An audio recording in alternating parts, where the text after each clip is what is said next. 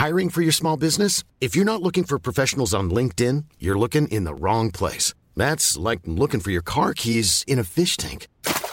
LinkedIn helps you hire professionals you can't find anywhere else, even those who aren't actively searching for a new job but might be open to the perfect role. In a given month, over 70% of LinkedIn users don't even visit other leading job sites. So start looking in the right place. With LinkedIn, you can hire professionals like a professional. Post your free job on linkedin.com/people slash people today. One size fits all seemed like a good idea for clothes Nice dress. Uh, it's a it's a t-shirt.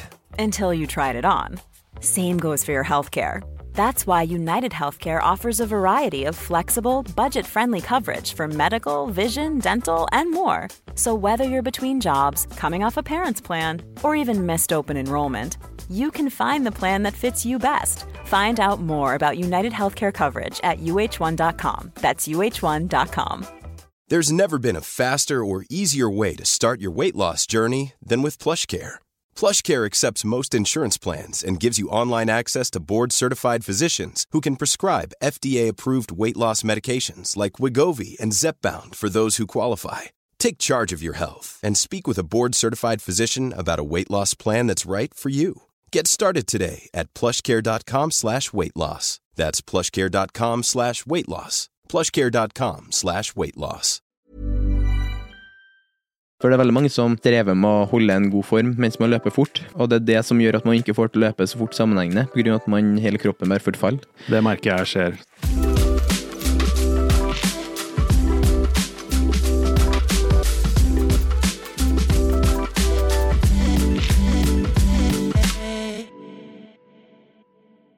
Hei og velkommen til treningsprat. Du hører på meg, Anders Myhren. Og Thomas Brun. Og Thomas, har du Yes. trent i dag? Det har jeg. Ja, du har det? Det, vi kan jo si det rett ut. Det er ikke alle som har Man har ikke en bra dag hver, hver eh, dag eh, på treningssenter eller hvor man trener. Og jeg skal gjøre en svømmetest i dag tidlig, eh, som var en del av planen vi har satt opp. Og eh, som eh, de som svømmer, merker kanskje at hvis man har vært ute av bassenget eller ute av sjøen et par uker, så er det veldig tungt å komme seg tilbake igjen. Det går fort opp igjen, det gjør det, men det tar De første øktene kan være ganske tunge. Eh, Du kan liksom ikke hoppe på 3000 meter med en gang. Du må trappe opp sakte, men sikkert, da. Det er liksom bare én uke som skal, skal til, føler Ja. jeg noen gang. At, Ja. eh, og så plutselig føler man seg som en stein i vannet. Da. Ja, Men så tar det én eller to økter, så er man litt inn i drive igjen. Da. nettopp. Så, men, men det er jo litt det òg, da. eh, At man, man kan jo ikke holde på med lange, drøye øktene hele tida. Eh, og det var faktisk litt det vi skulle snakke om i dag. Eh, litt om periodisering. Mm. Eh, og så skal vi hoppe videre og inn på coaching, da. Men vi starter med periodisering. Eh, og for mange er periodisering et veldig kjent begrep. Eh, periodisering innenfor treningsbegrepet, da. Eh, med det så mener vi jo periodevis hvordan man legger opp treninga si. Eh, fra coachens perspektiv, da, for meg, så er det ganske naturlig å først og fremst vite om målsetninga. Eh, så I denne episoden her nå skal vi liksom reflektere litt tilbake på året vårt. Og så litt om den periodiseringa rundt det som har skjedd der. da. Ja. Uh, og så, For din del var jo egentlig the main target, eller the main goal, vil jeg jo på mange måter si var i Canada. Canada i sommer, ja. Ja. Eh, når, når var det igjen? I juli? Det var 3. juli, tror jeg det var. Ja, stemmer det. Mm. Ja, det var det. Og da var det jo ja, samtidig som Sandnes. Ja. Stemmer det. Ja, ja. Ja. Så jeg husker jo med en gang jeg fikk den eh, nyheten rundt at du skulle delta der. Ja, ja, ja. Første tanken min da var jo ok, hvordan ser det hjulet her fram til da ut? Og så litt etterpå. Fikk jo beskjed veldig god tid i forveien. Syv måneder, tror jeg det var. Ja. I forveien. Ja. Og da Vi var jo egentlig ganske, ganske fort med det fokuset. Ja, absolutt. Det, jeg husker ikke nøyaktig når vi satte opp første økta, men det å komme i gang imot det var jo på en måte veldig viktig, da. For et sånn triatlon, i hvert fall ekstremtriatlonperspektiv, så Mm. sju måneder det er ganske kort tid, egentlig. Det er det. Med tanke på alt man skal gjennom. Ja. Um, I hvert fall med tanke på at man har man, meg og du, vi har jo et liv utafor det òg, Ja. for å si det mildt. Så man må liksom legge opp en sånn slagplan der. Eller på en måte periodisere etter uh, det vi vet på en måte man kan forholde seg til. Mm. Uh, Så jeg husker jo at det første jeg ville gjøre i din situasjon da, var på en måte å finne litt sånne delmål du kunne jobbe etter. Um, vi hadde jo eksempel Ironman Mallorca, Ja. 70,3 der. 70,3, ja, Det det var- en, i mai. Ja, stemmer det. Det var en ekstremt relevant uh, målsetning på en måte å komme seg til først. da. Veldig. For å se at ok, har treninga på en måte funka imot det. For da, Hvis det har funka mot det, som det har gjort, så kan vi liksom se at ok, men da gjør vi noe riktig inn mot eh, Canada. Ja. Um, så bygger jeg liksom blokk på blokk til første delmål. Eh, som var, det var jo ca. to måneder før eh, Canada. Mm. Rundt det, i hvert fall. Og da var jo litt sånn Så klart det er kort tid etterpå, så, men da vet vi sånn konkret hva vi kan gjøre. da For å liksom bygge deg enda sterkere og robust til den Canada-konkurransen. Og det var jo, hvis jeg husker riktig, så var programmet satt opp på den måten at vi tenkte sånn ok, fra januar til mai så skal vi komme oss til et 70,3-nivå. Og utføre det komfortabelt og kunne være liksom beredt til det. Og så da liksom øke volumet fra mai til juli. Eh, og da kunne fokusere på lange, lange, lange økter. Ja. Så sånn ifra det periodiseringshjulet, da, som man kan si på en måte uh, Hvis at man ser for seg januar 2022 nå og starter litt der, så er man jo fortsatt inne langt unna fra den Canada-målsettinga. Ja. Men den mai-målsettinga er jo plutselig litt sånn innenfor rekkevidde. Sånn. Så klart det jo fortsatt litt igjen, men de månedene de, de går ganske fort, da, for å si det sånn.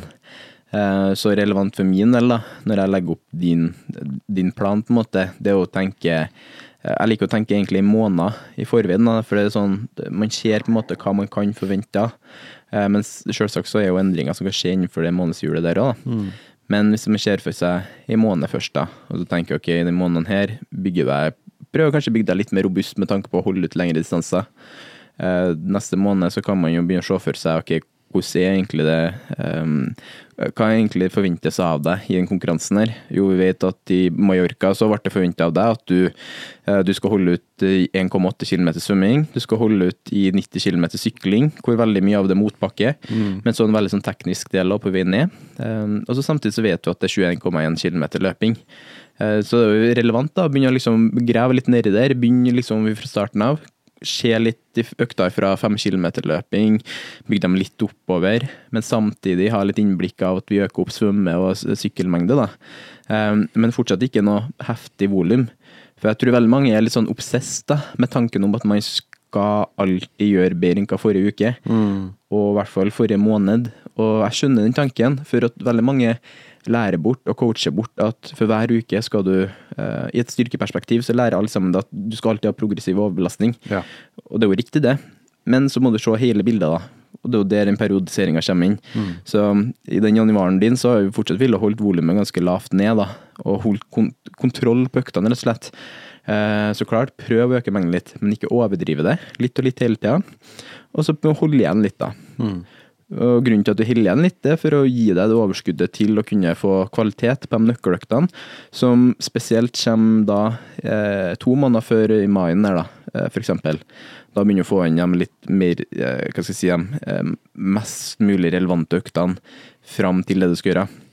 Men da må vi ha en periode først, der du holder igjen litt for å kunne ha eh, Det jeg liker å si, du skal ha det sprengstoffet i beina eller kroppen da, til å kunne liksom eh, akselere best mulig på treninga når det er mest mulig spesifikt og mest mulig relevant å skal gjøre det. da. Så jeg tror kanskje mange som kan lære litt av det akkurat nå, når man, i hvert fall i et løpeperspektiv nå, eller eh, triatlonperspektiv fra oss to nå, nå er jo på en måte sesongen ferdig. Og veldig mange av oss vil jo fortsatt trene, eh, inkludert meg sjøl. Tenker jo at eh, jeg skal jo trene, så klart. Men at man skal ikke være så obsess med at øktene skal alltid bli lengre, at de alltid skal bli så mye bedre, at de alltid skal bli så mye tøffere. Eh, Det er ingenting feil å gjøre samme type økt tre ganger i uka i et par uker fram i tid nå, bare for å ha litt kontroll på kroppen og kontroll på belastninga. da. Og det er da der den periodiseringa eh, på en måte kan hjelpe folk til å forstå hvorfor man gjør den treninga. For jeg tror det kan være sykt, eller jeg vet da, at det kan være sykt frustrerende for folk i et tolvukersperspektiv å se at treningsøktene er litt sånn eh, At det på en måte står litt sånn At det, det er ikke noe ville økter inni der, det er litt mer sånn kont kontroll, da. Men det er alltid en grunn bak det. Det er på grunn av at tolv uker her, de skjer nå, og så kommer det tolv nye uker, f.eks. Og de tolv nye ukene, da er jo da mest trolig man skal begynne å trappe opp igjen. For tolv uker fra nå av, så er man jo faktisk i eh, samme, ja, februar, faktisk. Mm, mm. Se for deg de neste tolv ukene etter der, da. Da er man jo mars, april, mai. Ja.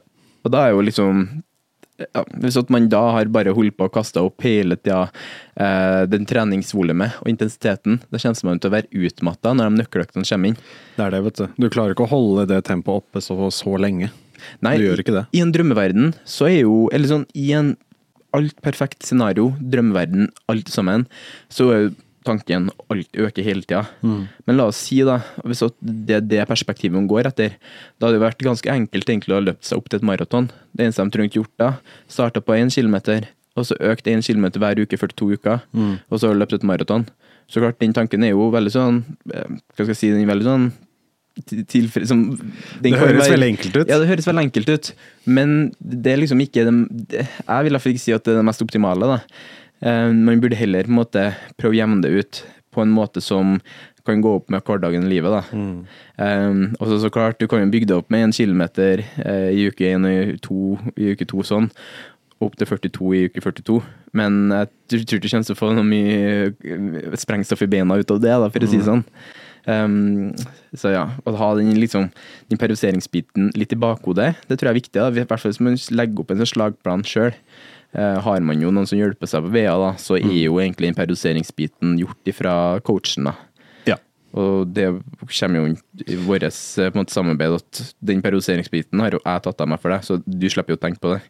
Der får du jo det servert på gullfat. Og du, du setter jo opp treningsplanene litt sånn i perioder også, sånn seks til tolv ukers perioder. Ja, eh, det er, sånn, det, er egentlig veldig varierende i forhold til hvor man er i en sånn periode òg, da. Ja. Sånn som nå er veldig sånn forutsigbart, vil jeg si det i hvert fall de neste for din, eller nå snakker jeg for ditt eh, perspektiv. Ja, ja. For det er veldig forutsigbart neste tolv ukene. For vi vet jo på en måte da det fortsetter en stund til en måte neste målsetning skjer. Mm. Um, men fortsatt så vil du jo på en måte ha en forberedende fase inn mot den perioden du skal ha, når du skal ha litt nøkkeløkter fram mot den perioden. Så det er litt det man gjør, egentlig, sånn, um, så, sånn Akkurat nå for din del, så forbereder du deg til at du skal forberede deg til enda ja, forøkta. økter, da. Ja, ja, det gir mening. Så det er jo der liksom periodiseringa Det er det som er en del av periodiseringa. Vi, vi, på en måte planlegger hvordan vi skal sette grunnmuren. Ja, ja, på en måte. Ved å på en måte bare teste litt og, og, og etablere litt av sånne ting, og så kommer ja eh, treningsøktene strukturert ja, etter, etter, hvert. Det er jo det her man kaller liksom den perioden du er nå. Hvis du ser på en sånn periodiseringsplan, så er det veldig mange som kaller det for offseason. Ja. Det er jo en offseason, det er liksom da Det er der du er nå. Og den offseason-perioden den vil jeg si varer kjempelenge. Mm. I hvert fall for triatleter. da på grunn du trener offseason med ganske lett intensitet og lett volum i en lengre periode, men den treninga du gjør, gjør det alltid sterkere i forhold til eh, å kunne, kunne holde ut litt lenger hele tida, da. Men å liksom trykke for mye på intensiteten for tidlig da, mm. gjør jo at man på en måte kanskje brenner opp litt krutt litt for tidlig, da. Um, så, så du, la oss si nå at du har seks måneder med en offseason uh, som er litt roligere og litt mer sånn oppbyggende mot den perioden du skal ha før du spesifikt uh, jobber deg inn på Før du spesifikt jobber deg inn mot det som skal skje i august for din del. Ja. Eh, da er det jo på en måte De seks månedene skjer, og så har du på en måte seks måneder etterpå da, som er litt sånn strukturert inn mot den hoved, hovedmålet ditt. da. Mm, mm. Um, det, det er litt det samme som hvis man trener seg opp mot Oslo Maraton nå, da. Så har man jo nå en i fase bare litt lettere trening for å kan, for mange kanskje komme, igjen, komme i gang litt igjen. Kjenne litt på at beina samarbeider, kjenne litt på motivasjonen som øker, og treningsgleden igjen. da. Um, kanskje alle har treningsglede hele tida, men jeg tror mange skal kjenne litt på det når det er lenge til neste mål. Mm. At den treningsgleden synker litt. Så, ja, når du, når hvis du tenker at det er over seks måneder til målet ditt, så mm. tror jeg motivasjonen ikke er der sånn egentlig. Og så kommer på en måte det der stressmomentet når det er fire måneder igjen, for eksempel, eller tre ja, måneder igjen, og så bare å shit, jeg har ikke gjort nok. Jeg har liksom ikke etablert ordentlig, og på en måte, mm. jeg har ikke begynt ordentlig og sånne ting. Mm. Jeg tror det alltid er veldig fint å ha det var det som var fint med det vi gjorde, da, at vi satte opp et delmål yeah. med Ironman Mallorca. Mm.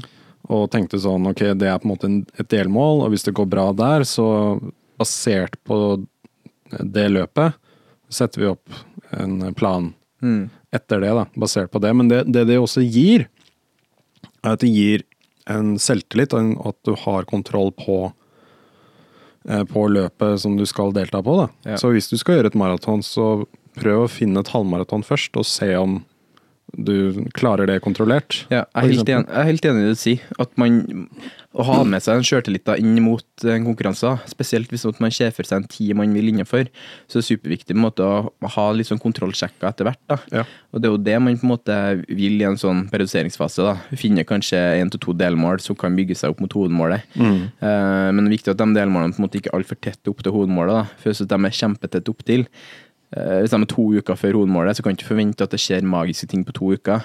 Derfor man må kanskje prøve å eh, få en periode på kanskje to måneder, for eksempel, for at man kan jobbe med sine weak points, hermetegn. Ja. Um, det er i hvert fall det jeg liker en måte å se etter, da. Um, personlig når jeg ser etter mine mål, men òg hvis jeg skal hjelpe andre å sette sine hovedmål. da.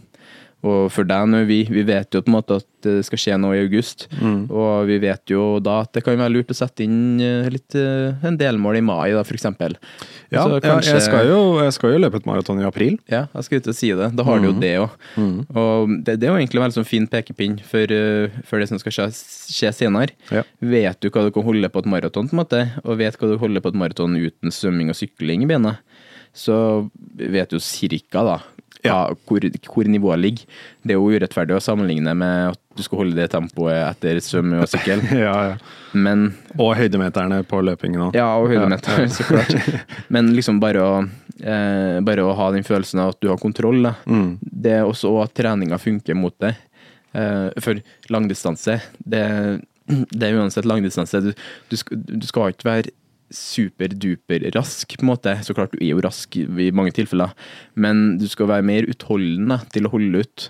Utholdende og seig, egentlig. da. Ja. Så det det Men, som men det er jo der triatlon er veldig interessant, da. Fordi si hvis du gjør et uh, maraton, og du vet at du har en fulldistanse Ironman om Mm. fire måneder, og på maratonet så merker du at løpingen ikke, løpingen ikke er der hvor du trodde den var, Mm. så strukturerer du da treningen fremover med litt ler- mer løpefokus. Mm. Så hvis du da sliter da litt på et maraton uten å sykle først, så er det jo en selvfølge at du, da, du, du, er litt, du er jo litt treigere hvis du har sykla først også. Yeah. Så da liksom etablere litt sånn. Men hvis du føler at det gikk kjempebra, og du har full kontroll, så trenger du liksom ikke da å trappe opp Mm. løpingen, eller endre på det noe særlig Riktig. mot en Ironman, da. Riktig. Og det var litt artig, for i år, da, i 2022-perspektivet som var, så gjorde vi jo eh, Vi hadde jo en sånn eh, en svømmetest, i hvert fall i Drøbak, som skulle være litt mer Ja, det. Det skulle jo egentlig være liksom den svømmetesten vår, da. Vi skulle sykle, nei, svømme, vi skulle svømme over Oslofjorden, Ja. fra Drøbak over til Hurum og tilbake igjen. Ja, Eh, det- 4000 cirka. Ja, sånn ca. 4000. Eh, og det var, det var i hvert fall planen vår, da. Og vi var jo klar for det. Du kjørte ned Trond fra Trondheim og masse forskjellig. Men så var det heldigvis veldig mye strømming i vannet. Ja, det var så brutalt. Veldig mye. Og da, da, da sier vi ikke bare litt, altså. Det var veldig, veldig, veldig mye. De sa det at hvis eh, altså, og Drøbak er jo litt sør for eh, Oslo. De sa at hvis dere hadde prøvd nå bare svømme i en rett linje over, så hadde dere endt opp i Oslo. Bare drifta innover. Eh, for, fordi det var veldig sterkt. Jeg husker, det, eller det, Den svømmeetappen ble jo endra, at vi ikke kunne svømme over, men vi svømte langs. Langs, ja. Så det var jo litt gøy, da. Ja, ja. Men jeg husker når vi svømte, starta svømminga der og holdt på å svømme imot bølgene. Ja, ja. Jeg har aldri følt meg så håpløs før. Og motstrøm hele tiden. Ja, man, man følte at man bare sto på stedet hvil. Sånn, Ja. Det var brutalt. Det var noen punkter hvor jeg gjorde det også. Jeg la meg selv noen merker som jeg liksom skulle se etter, da. Ja, det var De flytta ikke på seg. Et sånt fyrtårn jeg så etter. Jeg tenkte bare, det fyrtårnet har jeg sett på et kvarter. Ja, det blir ikke nærmere. Ja. Kommer seg ikke nærmere. Men den gikk fort tilbake, da. Det gikk veldig fort. Jeg tror, jeg tror øket hastigheten Det gikk dobbelt så fort tilbake. Ja, over det dobbelte, ja. sånn faktisk på klokka mi. Ja. Det var sykt. Trengte nesten ikke å svømme engang, så du bare ble med strømmen. Ja. Det var skikkelig, skikkelig ille. Nesten litt urettferdig. Men, eh, Men det var en test Ja. eh, for vår del, eh, som ikke gikk akkurat sånn som planlagt. Da. Men vi skal gjøre det en dag. Ja, det blir, det, hvis de har sammen neste år, så kjører vi på med det. Ja, Du trenger ikke å melde deg på et event. Nei, vi jo bare ta med Du trenger en følgebåt, Ja. og så må du sørge for at du drar på, svømmer på et tidspunkt hvor det ikke er noen cruisebåter som kjører, eller Mm. noe annen trafikk. og så er det egentlig bare å svømme over. Smooth. Men det skal vi faktisk gjøre til neste år. Ja, ja, det skal og da skal vi få dokumentert det på en god måte. Det blir kult. Ja, Absolutt. Det er et mål. Ja. Og det, var en liten digresjon nå, men samtidig så er det litt relevant inn mot uh, sjøle periodiseringa, da. Mm. Uh, med tanke på at uh, det, som greia med den Drøbbakken, den var litt sånn, det var ikke planlagt inn i planen, men det å få den inn, i hvert fall en måned før du skulle ha konkurransen i Canada, cirka, Mm. så det var veldig sånn perfekt å ha den da, bare for å kjenne litt, for din del, å kjenne litt på å kunne svømme i den distansen, Mm. alene, ene og alene. Eh, du kom jo gjennom, du svømte jo, men d- Ja. den, den distansen var jo ikke så langt som den egentlig skulle være. Men uansett, kjenn på den kjørte litt av vann. Det kan jo være litt sånn god å ha med seg inn mot Canada. Absolutt. Jeg kjente jo, i hvert fall for min del, var det godt å ha med seg en sånn økt ene alene før jeg skulle til Helsingør i Danmark og Sandnes for å gjøre Ironman der. Um, bare kjenne litt på at man har, man har full kontroll på en måte på svømminga. Uh, man visste jo litt det fra før av med tanke på at vi hadde gjort Ironman Mallorca. Men så er det bare å st- stadfeste at sånn her går det uten annet, bare svømming av fokus. Og det som er viktig, eh, som jeg vet at folk ikke har fokusert så mye på på triatlon før, det er hvordan det er å svømme med andre. Ja, Det er viktig å kjenne på. ja det er sant. Eh, hvordan det er å liksom ligge på beina til folk, hvordan det er å svømme forbi folk, hvordan du må se rundt deg. I hvert fall hvis du har fellesstart Mm. og havner i en sånn bøtte med folk, Ja. eh, så er det veldig viktig å kjenne på det, hvordan det faktisk er. Fordi der er det noen som ikke kommer forberedt i det hele tatt. Jeg vet veldig mange kan ende opp med å få litt panikk. At det blir litt for meget, da. Og det Fordi plutselig jo- så er det noen som sparker av deg brillene dine og sånne ting. Ja. Det, det er viktig å liksom ha kontroll i en sånn bøtte med folk. Ja, og så bare sånn en liten ting, eller hermetegn liten ting som å svelge litt vann da, ute i vannet. Det er jo litt sånn, det kan skape litt sånn panikk og litt sånn frustrasjon det. Eh, men hvis du på en måte har vært borti det og kjenner at eh, du vet hvordan du skal håndtere en sånn situasjon, så, så går det egentlig ganske smooth, da. Vi fikk jo også testa hvordan det er å svømme i røff sjø. Ja, For det Ja. var jo mye bølger og sånne ting. ja og i konkurranser så kan det jo være sånn. Ja, ja. De tar ikke å avlyse selv om det er sånn, det er bare at det blir litt mer brutalt, liksom. Ja. Så det er litt sånne ting man må bare eh, Man må få det inn litt med teskje, for Ja. at det er ikke like lett å trene på det frivillig. Men er man opp med på en konkurranse, så på en måte må man, ja. Eller man må ikke, da, men det er litt vanskeligere å si nei til det når man har meldt seg på og på en måte vet at eventet står foran oss. da. Men det er jo sånne ting man bruker en langsiktig plan på, og planlegger rundt. Ja, det er det. Det er jo sånn, Da kan vi gå tilbake til den peruseringsbiten for deg til neste år. da. Eh, med tanke på at vi, vi vet måte hva du skal gjennom i august. Norsemen. Norseman. Vi har lov å si det. Uh, vi har lov til å si det. Uh, vi har jo allerede sagt det Ja, ja, tidligere. ja. Eh, så der blir jo veldig kaldt vann. da. Og da er jo veldig fornuftig for, for din del å trene på kaldt vann i god Mm. tid forkant.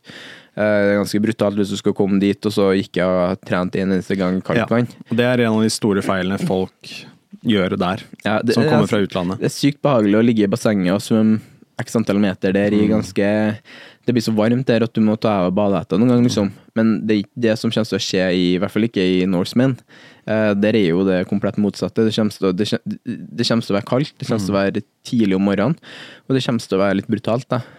Og i en sånn periodisering da, så er det veldig viktig at man legger inn eh, I hvert fall i en god tid i forkant. Noen økter bare på å øve seg litt på det. Kanskje man kan starte med å ta noen eh, for din del, da. Hvis at jeg vil, sånn jeg skal legge opp deg nå, så vil jeg legge opp at uh, nevn svømming. Vi prøver å ta noen økter inn først, fra klokka så tidlig, så tidlig som det er mulig når det åpner. For øver jeg litt på å kjenne på hvordan kroppen responderer til å svømme tidlig. Så starter vi der. Men da gjør vi det inn i behagelig temperatur tidlig. Så går månedene, du begynner å bli litt vant til det. Så prøver vi oss på svømming ut tidlig. Det trenger ikke å være tidlig heller, men da begynner vi å gå ut og kjenne litt på kulda. Og så skal vi sette dem sammen, da. så begynner vi å svømme ut tidlig. eh, I kaldt vann. Eh, vi kan liksom øke opp litt økta, gjøre øktene litt mer spesifikke der, da, i forhold til hvordan jeg svømmer i, i en sånn distanse. da.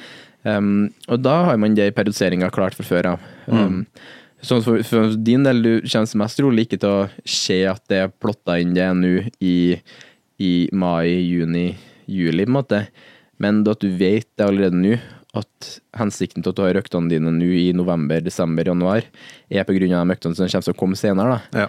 Um, det er viktig å ha den kommunikasjonen, kommunikasjonen rundt det òg, så man ikke bare tror at treninga bare tilfeldig satt opp. Det er sånn, jeg har flere løpere nå som er ferdig med sin maraton- og halvmaratonsesong, som nå trener mye av de samme øktene. Eh, Eller ikke samme øktene, men sånn mye lignende økter. At det kan være litt sånn roligere. Det kan være 30 minutter på en måte easy jog. Det kan være eh, litt lette intervalldrag. Bare ett minutters drag, bare for å kjenne litt på at man har farta fortsatt. da. Og mange av dem kanskje opplever litt kjedelig. Men akkurat nå, når det på en måte er for mange av dem er nesten et år til neste løp igjen, det er ikke noe vits å liksom gjøre det så spesifikt enda da. Så den treningen man gjør nå, det er for å forberede seg til en trening som skjer om et par måneder. Litt som jeg sa i stad. Jeg bare syns det er så viktig å påpeke det, da. At alle som på en måte, går gjennom sånn perioden og de kjenner litt sånn åh, de øktene her på en måte skulle ønske det var litt mer brutalt. Så kjennes det til at det kjennes som det blir enda gøyere å ha de brutale øktene nå når du lader opp til de brutale øktene. Ja, ja, ja. Det å kunne løpe 1000-meterintervaller på fire tempo i stedet for eh, 4.30 tempo, det er mye artigere når man kjenner på det. da. Ja. I hvert fall når det er før, eh, før maraton og sånn. Men for mange av meg coacher da, presenterer jeg liksom den eh, periodiseringa i, i ulike bolker. da. Du har en sånn tilvenningsperiode. Det kan være sånn én til fire uker der man bare på en måte tilvenner seg den treninga igjen. da. Um, der man går litt mer sånn spesifikt til verks imot sjølidretten. F.eks. hvis man driver på med løping, så kan man si at da, liksom, da man begynner å bli litt kjent med hvordan man liksom, løper form, og kjenner, liksom vite hvor lista ligger. da. Har man aldri løpt et halvmaraton før, så er det ganske normalt da, at jeg legger opp at man kjenner litt på Én ting å løpe litt lengre, men ikke at man skal løpe halvmaraton ennå. Men hvis at man aldri har løpt lenger enn fem kilometer, så kan det være en utfordring å løpe fem litt Og så implementere også hviledager, da. Ja, ja, absolutt. Fordi absolutt. det som skjer på starten da også, det er at stølhet er jo en stor, ja, stort hinder der. Så Du kjenner det mye mer på kroppen da, Ja. på starten. for sykt mange så er det nok med to økter, liksom, bare for å kjenne litt på den tilvenninga. da. Og så kommer man jo til en sånn ressursperiode, der man kan jobbe eh, Ressursperioden er jo egentlig den største perioden. da. Det er den perioden på en måte der man jobber enda mer spesifikt imot det halvmaratonet, f.eks. eller den 10 kilometeren, eller Ironman-distansen, eller hva det skulle være. da. Ja, Um, og da begynner man å jobbe litt på teknikk og sånn inn mot det å holde ut så langt, da.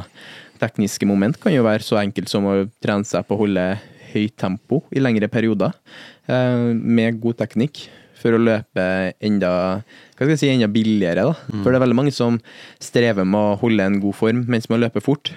Og det er det som gjør at man ikke får til å løpe så fort sammenhengende, pga. at man, hele kroppen bare forfaller. Det merker jeg skjer sånn når man er skikkelig sliten. Ja. Da er det vanskelig å holde teknikken opp. Og, I en sånn ressursperiode da, da er det ganske fint å implementere litt sånn tøffe økter, hvor man kjenner at man klarer å holde ut hva skal jeg si, teknisk på de dragene. da.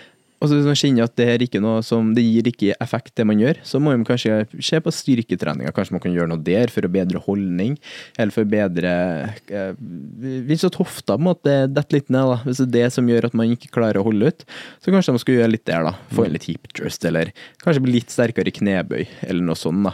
Og så ressursperioden er jo Når den er den lengste delen av hele opplegget, når det er liksom det, det som er på en måte det, der man henter mest, så er det en fase man vil ha den oppbygginga. Så jeg snakker om at man ikke tenker like mye på tilvenningsfasen, på grunn av at da skal man bare bli vant til å få inn sånn treningsstruktur og rutiner, og så kjenne litt på at er det egentlig realistisk at jeg skal gjøre det jeg skal ha mål, målsetting om.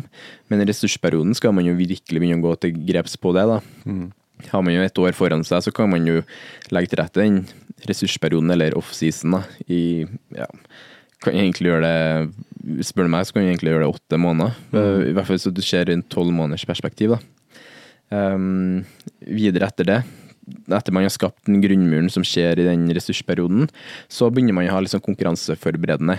Vi har jo snakka litt om det her i den toppforming-episoden. Ja, den konkurranseforberedende fasen, det er jo den som måtte, kanskje er sånn åtte til fire uker før du måtte komme inn i konkurranse. Eh, hvis du skal løpe det halvmaratonet, bare sånn, eller ti kilo 10 kilometer, da, som eksempel. Det er lettere å si. Eh, da må du begynne å kjenne på at uh, ja, et eksempel jeg liker å gjøre, det legger inn 1000-meterdrag.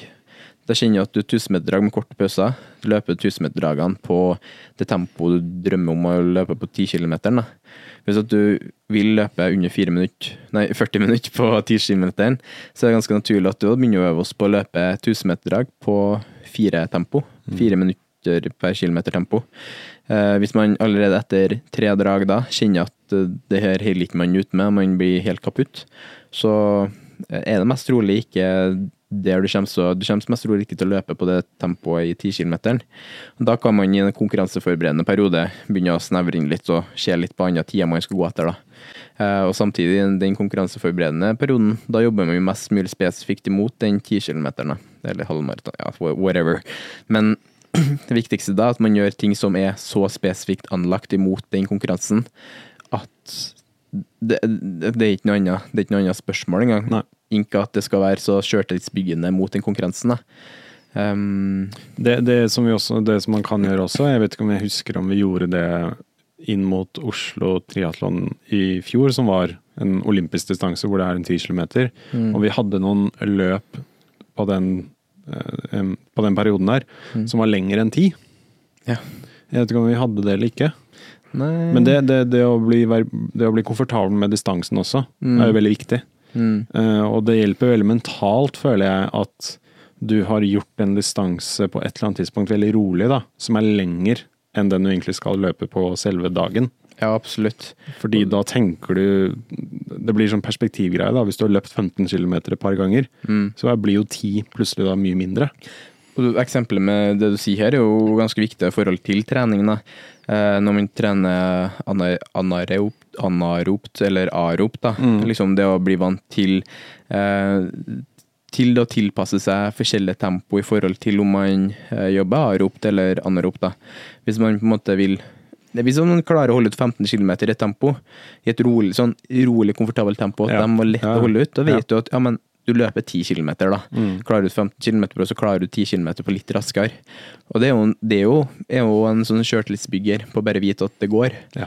Uh, og veldig mange, jeg vet- jeg vet at det er mange, uh, i hvert fall i sånn treningsforum og sånn, så er det ofte mange som spør hvis at målet mitt er å løpe 3000 meter på en militærtest, hva er vitsen med at jeg løper 5 km og 8 km og sånn, da? Ja. Men målet med sånne røkter er jo å forbedre eh, muskelens kapasitet til å holde ut. Da. For den kapasiteten man bruker på 3000 meter, den er jo så klart litt mindre enn hva 5000 eller 7000 meter. Da. Men den intensiteten på 3000 meter den forbedres da, av at man klarer muskulært å holde ut litt lengre. Så det er jo det som måler med de litt lengre øktene. Det var litt interessant, for eh, Jakob Ingebrigtsen har jo nevnt det i, i, i flere podkaster, at han har en av lengste øktene han hadde, jeg tror det er 21 km eller 25 eller noe sånt, Ja. rundt der. Han har aldri løpt lenger enn det. Nei. Men du kan jo tenke, men det er jo en gutt som primært har løpet 1500 meter eller 5000, da. Hvorfor i all verden løper eh, tidenes eh, I hvert fall akkurat nå, verdens beste løper eh, 20 km, liksom. Det er jo for å forbedre den kapasiteten kroppen har til å eh, motstå tretthet, da. Rett og slett det er jo det man øver på når man holder ut lengre. Og bli minst mulig trett i musklene. Det er jo det på en måte som er da. Eh, og det blir overførbart igjen til kortere distanser på høyere intensitet. da. Mm. Men på um, Ironman prep, eller Norseman prep, hvor du skal fullføre på et maraton, Mm. da tror jeg det ikke er mer Da tror jeg ikke det er vanlig å løpe økter som er mer enn 40 km. Nei, nei, absolutt ikke. Det, det er ikke nødvendig heller. Nei. Det, men det, det blir litt sånn annet igjen, da. For man kan liksom ikke Du kan ikke gjøre det motsatte. Du kan ikke forberede til en maraton bare ved å løpe to kilometer økta. Sånn, liksom, det kan ikke være det motsatte. måte. Men 30 da, for eksempel, det kan du Ja, gjøre. ja, ja det, det vil jeg egentlig anbefale alle som på en måte har målsetning om å løpe de lengste distansene. Gjør, da. Få inn det sin periodeplan, at man kjenner at man mester Veldig mange sier at et maraton starter ikke før etter 30 km, Ja, og det er veldig sant i forhold til muskeltretthet og sånn. Um, men igjen da, så kan vi si hvis du klarer å holde 32-34 km, liksom, så klarer du å stå i det siste kilometerne. Ja. For du har gjort en så stor del av jobben. da. Og det handler om eh, hvordan du føler deg etter du har løpt. Mm. Og også tenke at, med tanke på ernæring og sånne ting, at Mm. du skal du skal ikke på en måte liksom eh, pushe de siste fem uten vann, uten å tenke fordi du er snart er ferdig. Du skal tenke mentalt at du skal fortsette, Ja. men å føle at du kan fortsette, Ja. og så stoppe. Ja, riktig. Man skal ha, liksom ha mest mulig overskudd etterkant av økta. Ja. Og det skjer jo med, i hvert fall på langdistanse, skjer jo det ved inntak av næring. da. Um, det er ganske vanskelig på en måte i en 1500 Hvis du 3000 meter test da, i, for, i Forsvaret for eksempel, da, så er det ganske vanskelig å gå ut fra den og ha et overskudd etterpå, pga. at man har pusha så sykt høyt da, eh, opp mot eh, dem, sin topp makspuls. da. Eh, Men det er jo det motsatte igjen i forhold til maraton. For For da har man jo pushet den muskulære tretthetsnivået ganske høyt. da. Og det er jo noe man kan trene på i forhold til å holde lengre distanser. Ja, men det kommer er av at- inntak av mat òg, da. Ja. Poenget er at eh, den siste perioden rett før løpet, det er da du skal liksom fokusere inn veldig veldig spesifikt på, Ja, på den distansen du skal gjøre. Riktig. Og det, det, det vil ikke være lurt, da, eh, fra en person som skal løpe 3000 meter da, eh, de siste par dagene, da kjøre en 20 km plutselig. For det er jo så, det, det er så langt ifra spesifikt i forhold til det man egentlig skal gjøre. da. Samme i forhold til deg når du skal på Norseman. Det er ikke noe vits at du pusher gjennom noen noe sprinter liksom Nei. en måned før, for det, det, det, ikke, det er ikke overførbart i det hele tatt. da. Eh, Så jeg vil holde den perioden mest mulig, eh, mest mulig spesifikt. da. Ja. Og jeg sa i stad at det kan være, den perioden kan være fra alt alltid fra fire til åtte uker. Eh, Det er kanskje et langt perspektiv, det, men da snakker jeg fra sånn triatlonperspektiv. At det kan være ganske sånn um, Siden du har den svømmebiten, du har den eh, sykkelbiten, du har den løpbiten.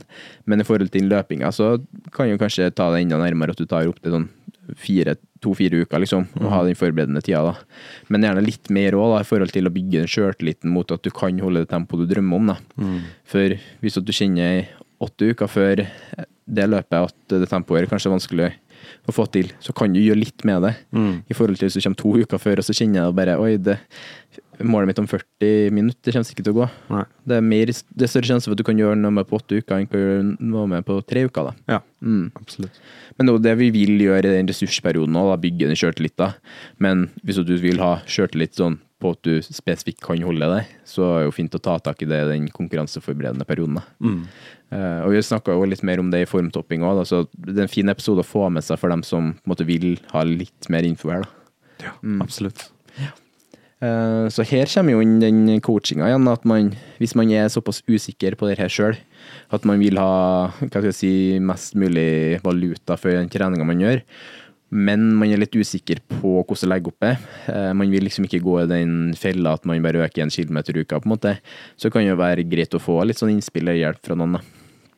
Eh, Jeg sjøl finner jo det sykt inspirerende å få på en måte innspill på, eh, på mine økter, i forhold til at, eh, ja, at akkurat nå er jeg i en fase der det trenger ikke å være så sykt oppbyggende, for at det liksom ikke Det, det fortsatt en stund til det hovedmålet er, da. Eh, Men det er godt å bare få en sånn pekepinn på at det du gjør nå, det har en mening til om to-tre måneder, liksom. da. For det kan være litt vanskelig å innstille seg på det sjøl. I hvert fall hvis man er vant til nå etter et maraton at man bare gradvis bygger seg opp med mer intensitet. da. Så kan det være litt tungt å plutselig gå ned på intensiteten og liksom starte tilbake der ti kilometer, på en måte, normalen. Ja, og så føler man liksom at man har eh, tatt et steg tilbake også. Det, det- gjorde i hvert fall jeg, det har vi snakket Ja. litt om før. At liksom Mm. du er såpass sliten etter en ganske tung sesong, og motivasjonen er kanskje ikke der sånn egentlig til å trene tungt og, og sånne ting, men når du da har de øktene, så tror du at du er på samme nivå som du var eh, for to måneder siden, da, for Mm. eksempel. Og så merker du at du ikke er det. Man har jo en litt sånn artig skala, da. Den skalaen eh, eh, Du har jo en på en måte sånn lineærkurve som er sånn optimalt du vil gå etter hele tida. Men en lineærkurve vil liksom ikke Den kan ikke bare bryte seg oppover hele tida. Den må gå litt ned òg, før den går litt sånn opp igjen. Da. Så du går liksom Du vil alltid toppe toppen av forrige topp, men du vil gjøre det over tid, da. Ja. Eh, det er en veldig sånn fin måte, metafor da, sjefer, at du går opp, og så går du litt ned. Det er jo der vi begge to er nå. Nå er vi litt sånn litt daffere i kroppen. Vi, Mm. Ja, ja, vi er litt, litt sånn litt tilbake. Litt tyngre òg. Ja, men det skal være litt sånn. Sånn er det. Men da er vi på vei ned. Men så skal vi begynne å bygge oss opp igjen, og da kommer jo den kurva som var på toppen der, er jo plutselig på toppen der, da. Mm. Og sykt godt å være der når man har vært der, Ja. etter å ha vært der. Det kan jeg love deg. Det, Men, men det, er, det er det viktig å minne seg selv på, da. Det å Ja. vite det. Det å si til seg selv bare sånn Dette, er, dette går over. Den, Ja. den følelsen du har nå, at du føler deg tung og svak og treig og sånn, Mm. det går veldig fort over fordi du, du har vært på det nivået for ikke så lenge siden. Mm. Og sakte, men sikkert så kommer vi tilbake dit og enda bedre. Ja, sånn uansett hva, da. Uansett om det er styrketrening og liksom, at man kanskje man går inn i en periode der man stagnerer litt, da. Da er man jo på en måte veien ned, da. Men står man i det, på en måte trener kanskje på samme intensitet, da bare holder det ved like, eh, unner seg litt mer hvile, så kan man fort se at den kurven snur seg og går oppover, da. Og det smaken av å ha stått i det, måte, og bare godkjent at måte, nu- det er litt tyngre akkurat nå, det, det smaker veldig godt da når man er på vei opp igjen, og på, i hvert fall på toppen der. da. Absolutt. Mm. Det, det kan jeg si veldig mye om, for å si det sånn. Nei, Jeg gleder meg til det. Ja, det. Det er på en måte litt sånn Jeg syns det er fint å snakke om det nå, uh, i sånn i desember, desembertider, vintertider da, spesielt. da. Uh, på en måte For det er så viktig å ha en aksept òg, for at det er andre ting utenfor. da. På en måte, det, det er jo ingenting som er mer perfekt enn nå, å fokusere litt på det utenom-tingene da, fra trening og sånn. Eh, I forhold til, i hvert fall for min del nå, tenker jeg at jeg på en måte vil gi litt mer av meg sjøl til familie og folk rundt meg, da, som på en måte har sett eller liksom gitt mye fra seg for at det skal gå opp for meg. Mm. så tilbake til nå er jeg litt sånn tilbake til at jeg kan gi litt tilbake, da, i forhold til at eh, det er ikke så viktig at jeg må få til den økta akkurat nå. Det er viktigere for meg at eh, kanskje da kan få hjem til mamma og pappa og ta en middag der. Altså Hvis jeg får det til, jeg tar økta på kvelden. da Bare Ja. sånn, Så klart det går, går utover meg litt da. Jeg vil egentlig ha hvile på kvelden, men det gjør egentlig ingenting, for jeg fikk kvalitetstid med mamma og pappa. da Og da eh, på en måte gir litt tilbake. da For, I hvert fall for meg så er det veldig mye trening som på en måte går på grunnlag av mye annet. da Men uh, nå kan jeg gi litt tilbake.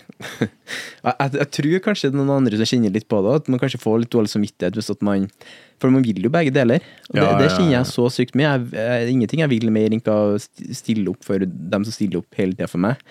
Men det er også samtidig ingenting jeg vil mer enn å kvalifisere meg til VM, da, som er Mm. mitt mål. Uh, og det krever jo litt ofringer, men akkurat nå så krever ikke like mye ofringer. Ja. Så det går i perioder.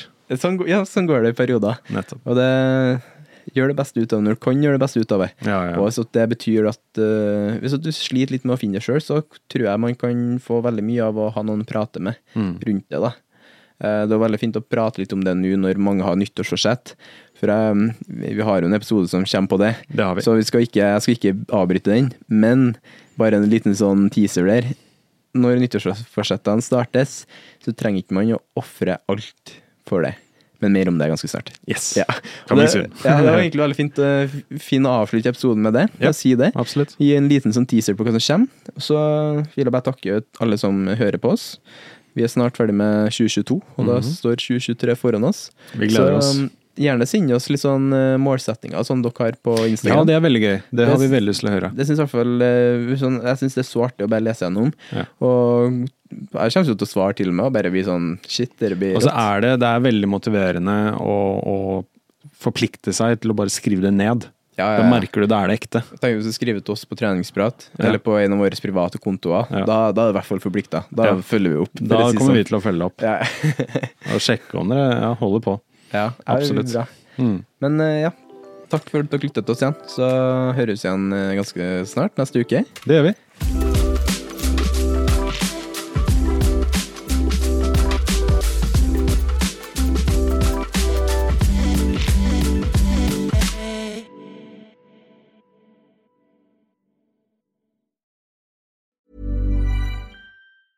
Hey, it's Paige DeSorbo from Giggly Squad. High quality fashion without the price tag. Say hello to Quince.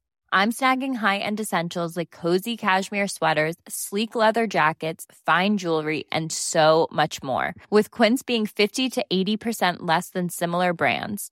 And they partner with factories that prioritize safe, ethical, and responsible manufacturing. I love that. Luxury quality within reach. Go to quince.com slash style to get free shipping and 365 day returns on your next order.